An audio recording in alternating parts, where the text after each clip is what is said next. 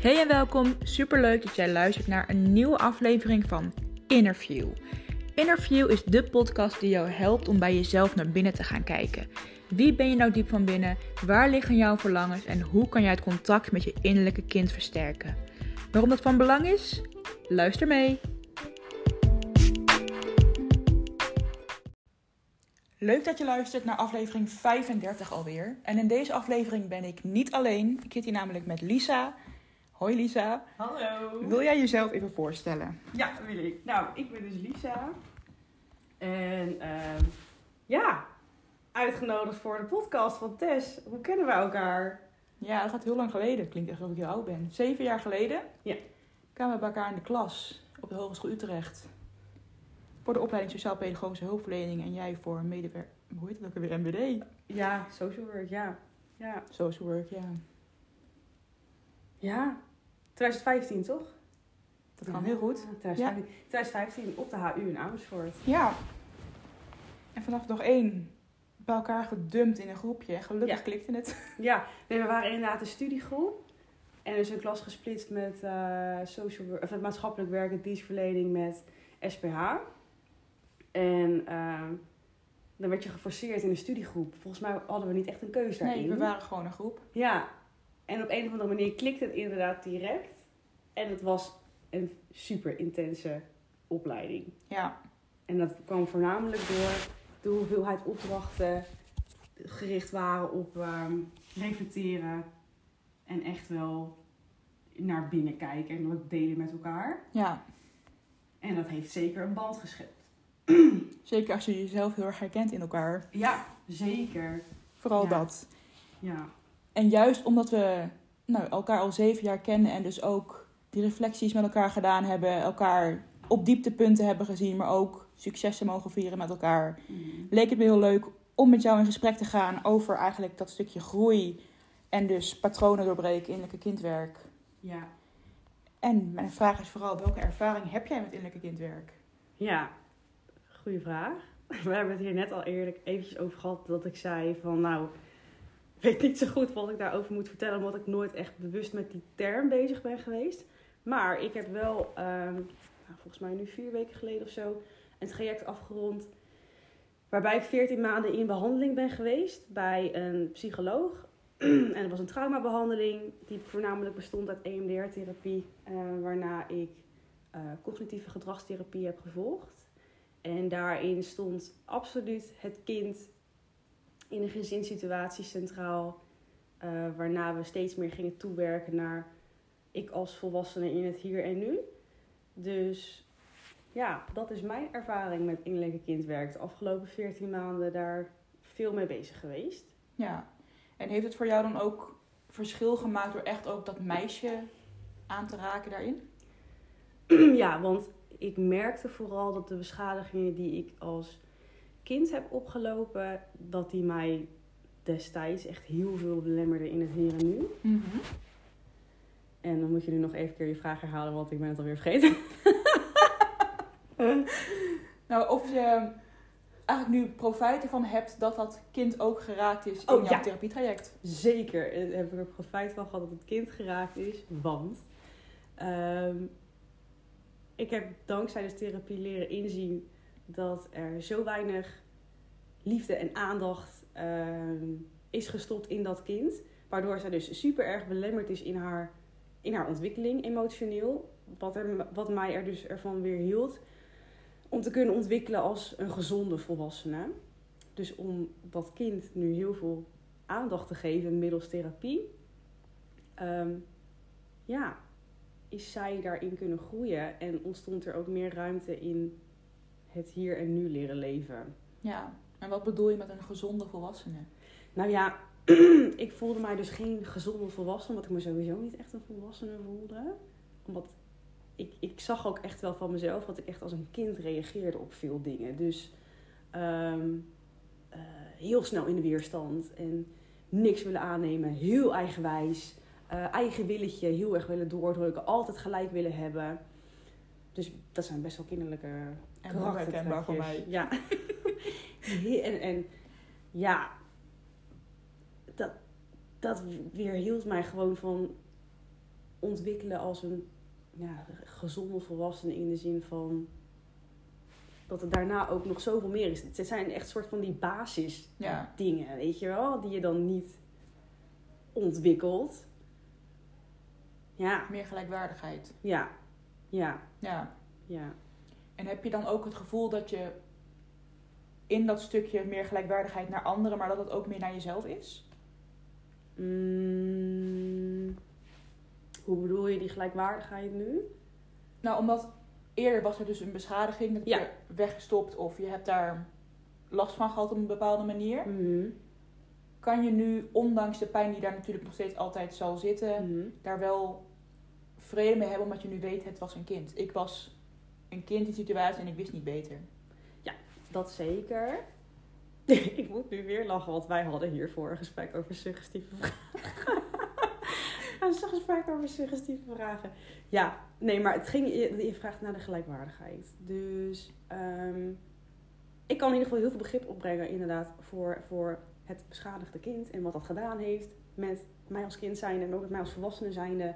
En ehm,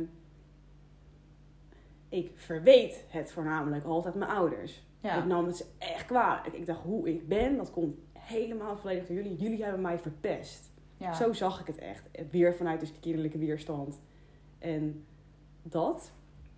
En nu door zeker therapie en door ouder worden en ook hè, met wie je in je omgeving eh, inlaat, heb ik daarin echt wel kunnen beseffen hoe dat in elkaar steekt. En ehm, kan ik daar met een zachtere blik naartoe kijken. ja. Ja. Is dat verwijt naar je ouders ook weg? Ehm Oeh. Daar moet ik goed over nadenken. in principe, zolang jij hun afwijst in een gedrag, wijs je een deel van jezelf af. Ja, klopt. Ehm, ik moet even nadenken over het, over, echt over het specifieke woord verwijt.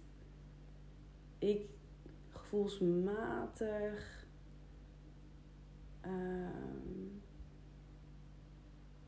nee, in, in, in hoe zij mij hebben opgevoed en wat daarin is misgegaan, dat verwijt ik ze niet meer. Nee. Dat niet meer.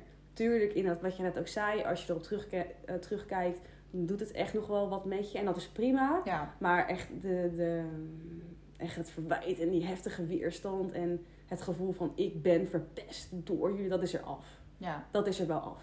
Het is nu gewoon meer zo van ja, het is gegaan zoals het is gegaan. Dat is heel jammer. Mhm. Ehm, maar het is nu aan mij om dat stukje op te pakken en dat wil ik graag oppakken. En dat vind ik dan mijn eigen verantwoordelijkheid. Ja. Heel raar om dit hardop te zeggen, want ik had nooit bedacht dat ik me er zo over zou kunnen voelen en daar zo over zou kunnen nadenken. Maar wel heel mooi dat dat nu kan. Nou ja, Ja. En eigenlijk zeg je in die zin al dat je dus die patronen aan het doorbreken bent. ja. Ja, ja, ja. Ja, zeker. Wat heeft er voor jou toe geleid dat je dan die patronen ook echt kon gaan zien? Ehm, nou, ik zag vooral. Dus inderdaad, we hebben het gehad over bepaalde patronen in mijzelf. En dat was vooral die, dus die weerstand gelijk willen hebben. Ehm, dat, dat innerlijke. Maar ik zag ook wel heel veel patronen terug bij mijn ouders. Dus bij mijn vader en bij mijn moeder. En dat zich herhaalde.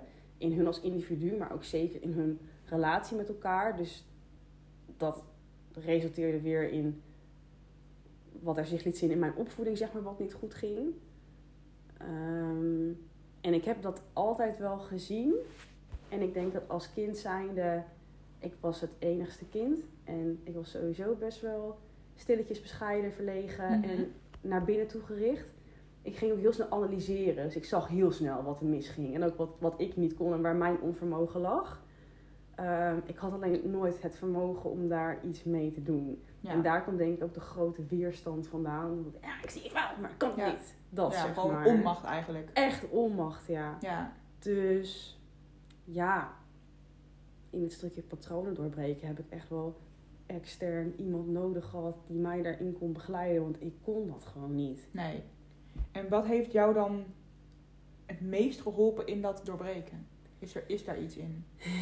Ja, wat me het meest geholpen heeft. Ik ben altijd op zoek geweest naar een stukje bevestiging. En ehm, zoals ik al zei, ik kan ben altijd heel erg analyserend geweest op situaties, op mezelf. En daardoor schakelde ik eigenlijk ook altijd mijn gevoel uit. Ja, dat herken jij ook natuurlijk helemaal. Mhm. Ik niet. Ehm, maar ik heb altijd een soort van bevestiging gezocht van... Hoe klopt mijn denkwijze? Zie ik het nou wel of niet goed? Ja. En in je hoofd, of in mijn hoofd, was ik ook altijd bij het nadenken... Alle, gelijk alle perspectieven aan het, aan het oprakelen en aan het bekijken. En, ja. Dus ik had gewoon echt iemand nodig die met mij dat ging doen. En echt even rationeel het neer kon leggen en zeggen... Nou, zo en zo en zo en zo Ja. Dat had ik echt wel nodig. En dat ik, zo, dat ik daar zo onzeker over was, dat, heeft, dat speelt natuurlijk ook een grote rol. Dat je daar iemand bij nodig hebt. Ja. Maar is dan dat stukje iemand nodig hebben vooral gericht op iemand die eigenlijk erkent dat wat jij ziet waar is? Of iemand die jou kan helpen om het nog duidelijker te zien? Ja, allebei.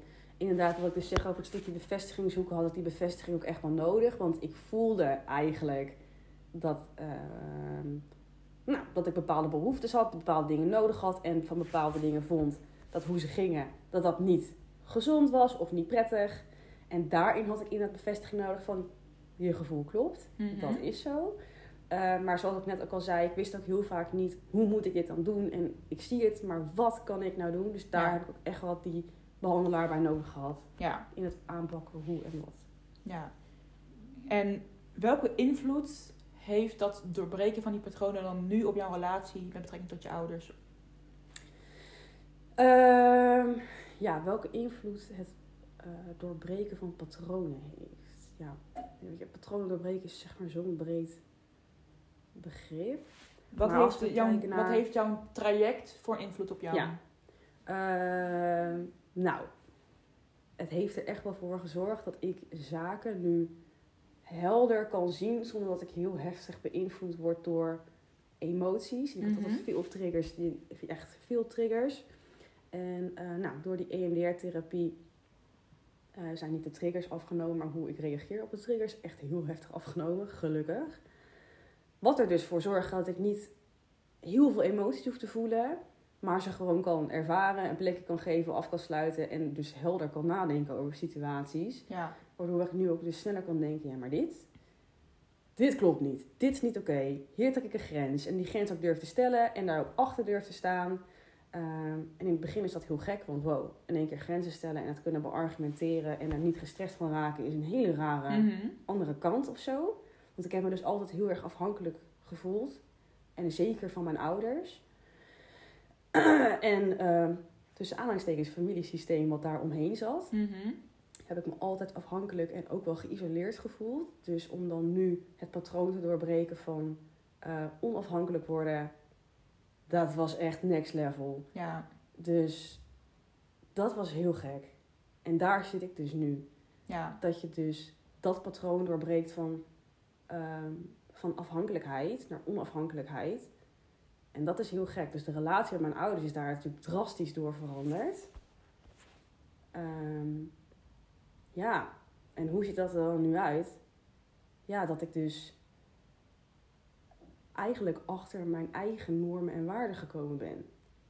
En Ja. beter kan inzien van dit is wat voor mij oké is en gezond is en dit niet. Dus ik maak daar nu bewuste keuze in. Ja. En je hebt natuurlijk kort geleden een hele grote stap gemaakt Ja. in patronen doorbreken. Wil je het daarover hebben in deze podcast Ja, of liever ja. niet?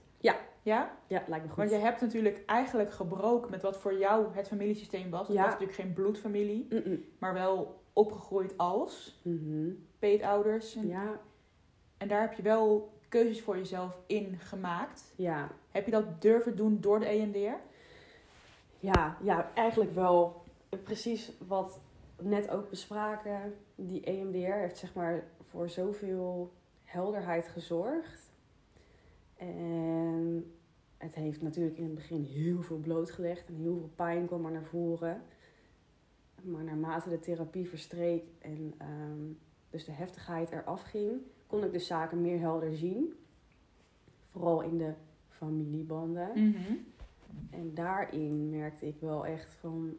ehm, nu ik meer oké ben met mezelf en met mijn gezinssituatie, en in mijn relatie met mezelf, maar ook relatie met mijn huidige partner, dan had ik zoiets van: er is nog één ding wat heel erg bij mij steekt en waar Ja. ik heel veel bij voel. En dat was dus inderdaad het stukje familiesysteem. En, ehm, en door dat familiesysteem voelde ik me echt beperkt, vet geïsoleerd. Ehm, ik kon niks goed doen. Ja, Er werd echt ontzettend gefit op echt letterlijk alles. Weet je wel, ik herhaal het nu, maar jij weet het natuurlijk allemaal al. Ehm, het gaat dan echt om dat ik mijn, mijn werk niet, niet goed zou kunnen uitvoeren. ja. Mijn relatie stelde vooral bar weinig voor. Ik moest vooral niet denken dat ik eh, op weg was met wat dan ook. Ehm, Ik kwam ook heel erg naar voren dat jij hen nodig had om Ja. te blijven staan. ja, dus inderdaad echt weer, echt weer, ik wil bijna zeggen inspelen, maar dat is, dat is het ook toch? Ja? Echt inspelen op die afhankelijkheid. Dus je wilt eigenlijk eh, iemand afhankelijk houden, want ik ha- heb hun nodig. Ja, En- en in al de berichten die ik van jou heb gezien hierover, was jij Mhm. ook altijd kind Lisa. ja, Nooit Lisa. Nee. Altijd het kind dat afhankelijk is van hun en dankbaar Ja. moet zijn dat Ja. deze mensen jou wel even komen redden. ja, oh, er werd ook inderdaad altijd, en je, ze zeggen altijd, ze zeggen nooit altijd, maar in ieder bericht werd ook echt vaak gerefereerd naar mij met hoe dankbaar ik wel niet moest zijn. Ja. Dat zij in mijn leven waren, want als zij er niet waren geweest, dan was het heel anders met mij geëindigd. ja. Ben je ergens dankbaar voor voor hun? Eh, zeker. Ik ben ergens ook dankbaar voor hun. En ik kan ook echt wel dankbaarheid voelen voor een bepaalde progressie in mijn leven die ik heb gemaakt dankzij hun. Maar nu we zeg maar, ik een stuk ouder ben, therapie heb gevolgd, kan ik ook zien dat op welke gebieden het niet goed is gegaan. Ja. En als we dan inderdaad die berichten gaan filteren die ik ontvangen heb, dan zie ik daar echt wel een heel heftig patroon in van iemand klein willen houden, ja. ehm, niet serieus nemen. En is dat wel heel intens. Dus daar heb ik uiteindelijk mee gebroken. Zeker dankzij één leer, maar ook zeker dankzij de daaruit volgende therapie. Ja, zeker. En ik denk dat je daar heel trots op mag zijn, omdat je daarmee een ontzettend groot ding Ja, in jouw hele familiesysteem hebt verschoven. ik besef het zelf nog niet helemaal. Maar af en toe reflecteren wij er inderdaad- inderdaad wel eens op terug. Want ja, als je inderdaad terug gaat denken, je hebt er veel meer kennis van hoor. Maar als je gaat terugdenken naar inderdaad, waar komt mijn moeder vandaan, waar komt mijn vader vandaan. Het is gewoon een soort van, het is gewoon een patroon weer letterlijk. Ja. Hè? We blijven in het thema. Het is een herhalend patroon.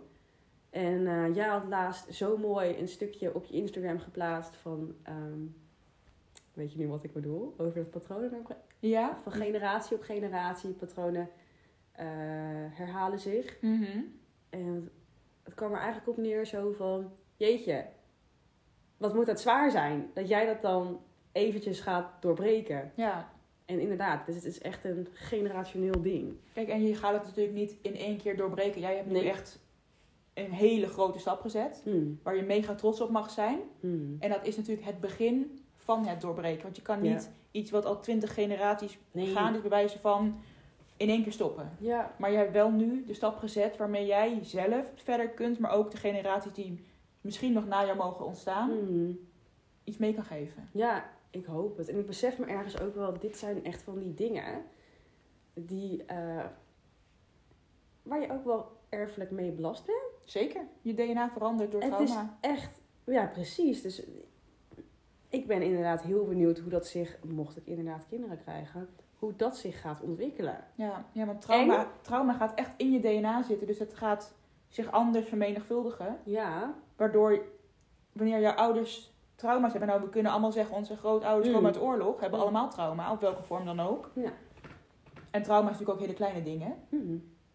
Dus we dragen allemaal trauma mee. En zolang we er niks mee doen, blijft het bestaan. ja, Dus inderdaad, het feit dat jij nu deze stap hebt gezet, verandert iets in jouw DNA op de lange termijn. Mhm. En dus ook voor het DNA van jouw kinderen als die mogen komen. ja. ik hoor nu echt zo achter in mijn hoofd, hoor ik echt zo, ja, dus jongens, denk goed na voordat je aan kinderen begint. Want, weet je, al deze therapie was echt knijten duur. Maar je gaat er sowieso verpesten, maakt niet uit. je verzint wel nieuw trauma. Helemaal kut. Nou, denk ik dat we dan de invloed van die patronen op het innerlijke kind, maar ook op jouw leven nu al heel breed hebben besproken. Mhm. Dus ik denk dat het goed is om nu de, de vragen die ehm, mensen op Instagram hebben ingestuurd erbij te pakken. Ja. En daar eens over in gesprek te gaan. Mhm.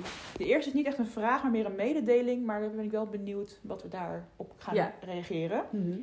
Ik ben soms heel boos op mijn ouders, maar bespreken lijkt niet te helpen. Ze begrijpen het niet. Ja. Ja. Het eerste wat ik denk is, waarom wil je het bespreken? Ja. Soms is het gewoon beter om iets te ervaren en het niet te benoemen, want het gaat niks opleveren. Of je er nou wel of niet bij aanwezig bent, zij vinden toch iets. En dat ga je niet oplossen door er tegenin te gaan. Nee, helemaal mee eens. En jij ook, en ik ook helemaal, herken echt het gevoel van ik wil hier nu wat van zeggen. Want Ja. ik accepteer dit absoluut niet. Ja. Helemaal goed dat je die grens voelt. Perfect. Mhm. Maar eh, iemand veranderen, Gaat niet. dat gaat gewoon niet. En dat is super frustrerend. En het is ook goed denken om na te denken, waar ben je precies boos over? En, Ja. en is het boosheid of zit daar een emotie onder? Ja, en Ben je 9 van goed- 10 keer is het toch echt dat innerlijke kind wat dan aan het schreeuwen is. Ja, zie mij, hoor mij. Ja, Ja, dus wat zit er onder de boosheid? Ben je Ja. heel verdrietig? Voel je je niet gezien? Voel je je niet gewaardeerd? Ja. Waardoor ben je boos? En door dat te gaan erkennen en daarmee aan de slag te gaan, kan je jezelf die rust geven. Ja. Je ouders hoeven niks te begrijpen als jij jezelf maar begrijpt. Precies, dat is inderdaad. Eigenlijk is het best, nou niet gek, maar inderdaad, eh, eigenlijk is het vrijwel altijd het innerlijke kind dat aan het- zich laat horen, hè, dan Zeker. wat het gaat protesteren. En die graag een behoefte vervuld wilt hebben. Maar nu jij eenmaal ouder bent geworden, volwassen bent inmiddels, ja, moet je eigenlijk je eigen kind opvoeden. Ja, en jouw innerlijke kind is de basis van al jouw emoties. Dus eigenlijk kan je bij elke emotie die je voelt teruggrijpen naar dat kind. Ja, Ja, ja. Intens. De cirkel is rond. ja dus eh, spaar allemaal geld en investeer in Ja. therapie. Zeker. En welke vorm van therapie Maakt niet uit. Dat maakt allemaal niet uit.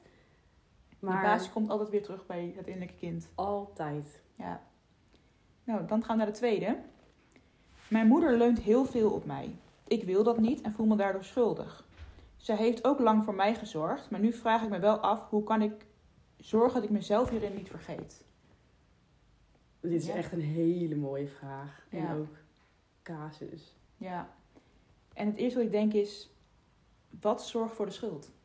Wat, als jij je moeder zou kaderen in het stukje zorg vragen aan jou, waar voel je je schuldig over? Dat je niet genoeg doet, dat je niet genoeg bent? Komt weer bij dat innerlijke kind. Ik doe er niet toe, dus Mhm. ik moet iets Ja. doen.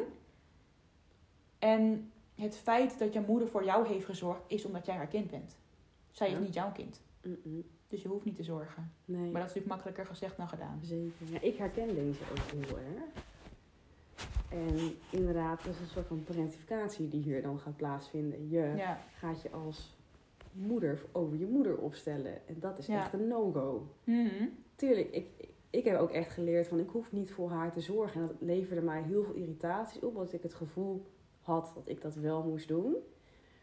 En doordat ik innerlijk voelde, ik wil dit eigenlijk helemaal niet, ging ik me schuldig voelen. Want Ja. zij heeft mij nodig, dacht ik. Mhm. Maar toen ik mij eh, zeg maar helder begon te krijgen dat dat dus parentificatie is en dat dat gewoon niet is hoe het werkt in een ouder-kindrelatie, kon ik ook aan mijn moeder teruggeven van mam, ik zie je, ik hoor je, maar ik ben jouw kind en ik ben hier gewoon niet de juiste persoon voor. Ik Ja. kan je wel een advies geven. Misschien kun je met die, met die, met die in gesprek gaan. Eh, want dat is een andere relatie. En Ja. dit, dit is niet mijn taak. Ik wil je echt wel helpen, maar dat kan gewoon niet. Nee. En hoe sta jij er dan in als je gaat kijken naar ouders die echt ouder worden, dus die zijn rond de 80, 90, hulpbehoevend, vaak gaat dan een kind zorgen voor zijn Ja. oude ouders. Hoe, zie- hoe zie jij dat?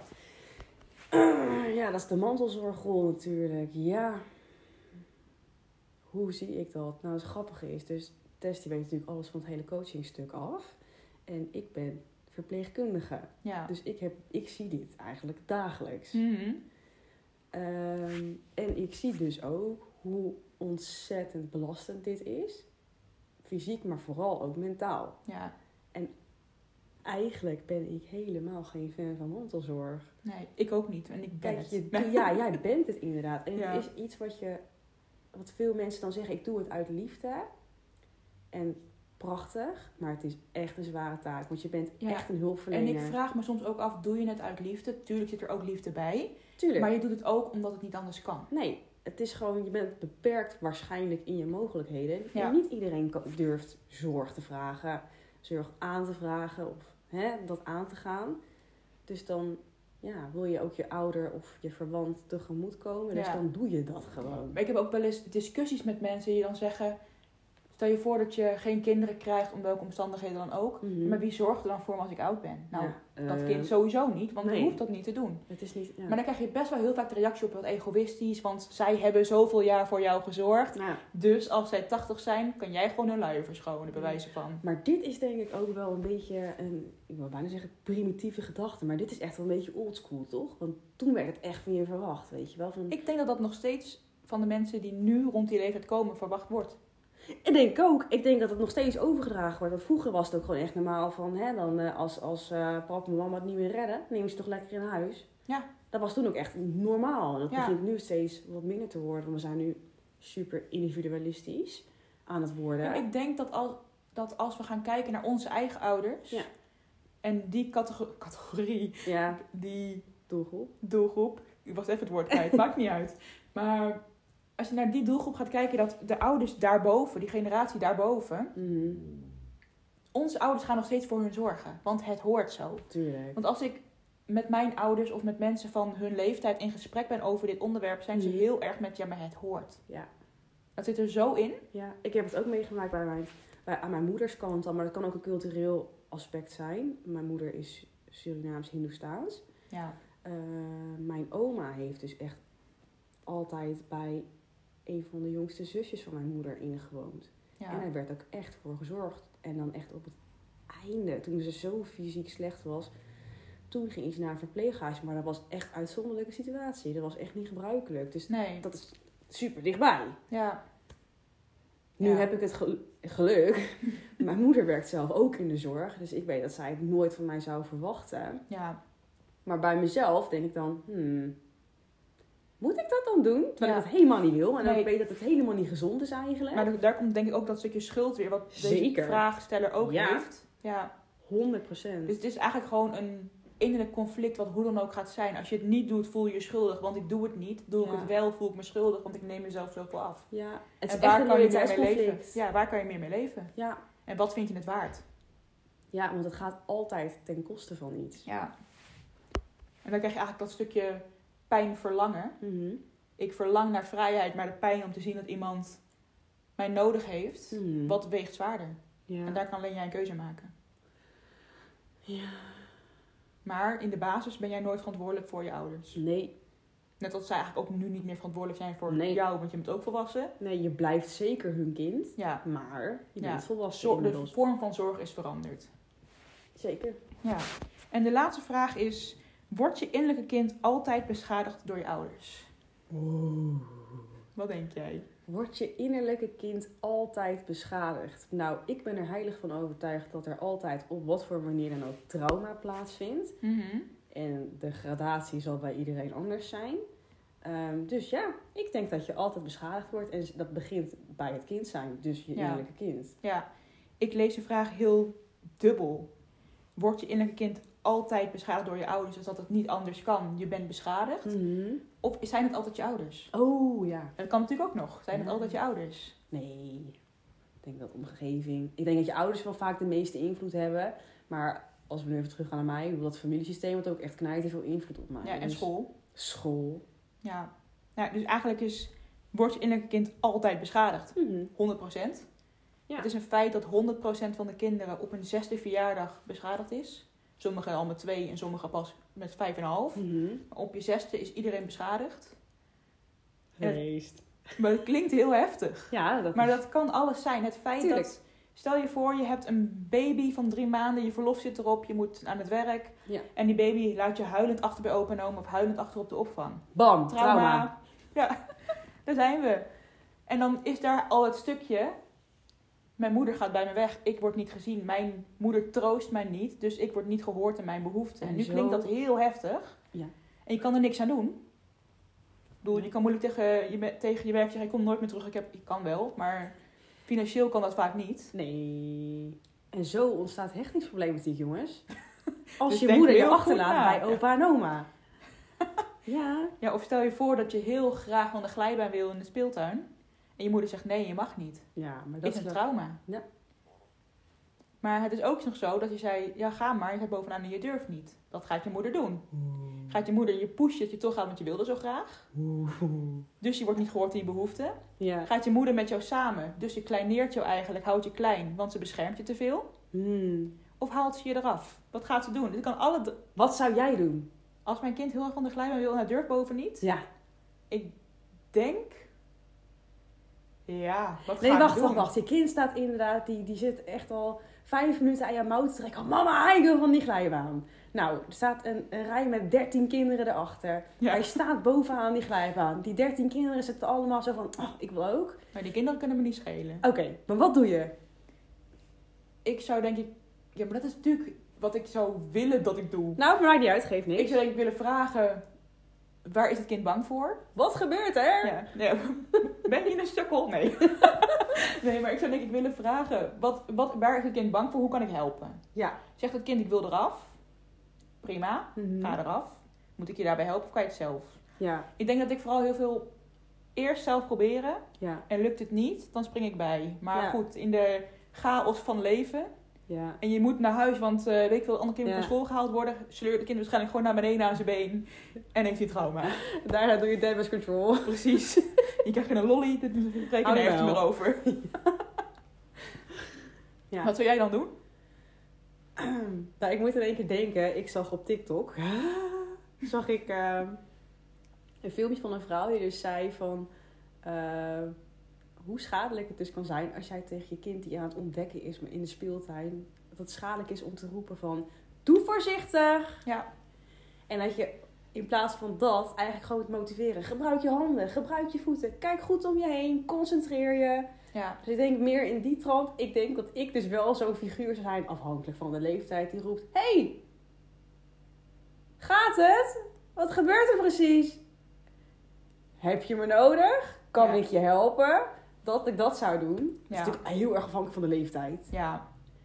Maar ja, ik zou niet maar dwingen. nooit- nee, maar zolang je ook maar nooit doen dat bovenaan te huilen. Hier hoef je niet om te huilen. Want dat bepaalt het kind zelf. Niet disqualificeren. Nee, dus niet. gewoon het laten zijn, laten gebeuren en kijken hoe Ja. ver het kind zelf durft en wat, wat hij wel of niet van je nodig heeft. Ja, en dan opties aanbieden of zo. Ja, Ja. ik ben heel benieuwd wat de luisteraar hiervan vindt en zo gaan doen. Ja, dus laat me DM's, weten inderdaad.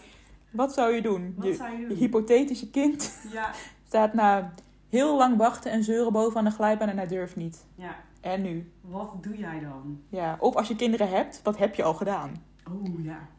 Ben je bewust van de patronen die je doorstuurt? Nee, dan gaan we te veel vragen Nee, stellen. Wel Klaar. interessant. Zeker. Voor de volgende keer. Ja. Ik denk dat we hem zo kunnen afronden. Ja. Dankjewel dat je met me in gesprek wilde. Nou, jij bedankt voor de eer. Graag gedaan. Heb jij nog iets wat je aan de luisteraar mee zou willen geven? Ehm, Was je handen. Nee. Ehm, ja, ik zeg iets wat ik zou willen zeggen. Nou ja, eh, luister naar je innerlijke kind. En ehm, stop het niet weg. Denk niet van, oh jongens, het kost me allemaal inderdaad heel veel geld. Ik heb er helemaal geen zin in. Want zodra je inderdaad één keer voelt van, hier zit iets niet lekker. Dan blijft het altijd niet lekker zitten. En wat je ook doet, hoe erg je ook gaat vermijden, verdoven, wegrennen, wat dan ook. Het blijft zitten. Het is echt de moeite en het investeren daarin waard. Zeker. Helemaal mee eens. Preach!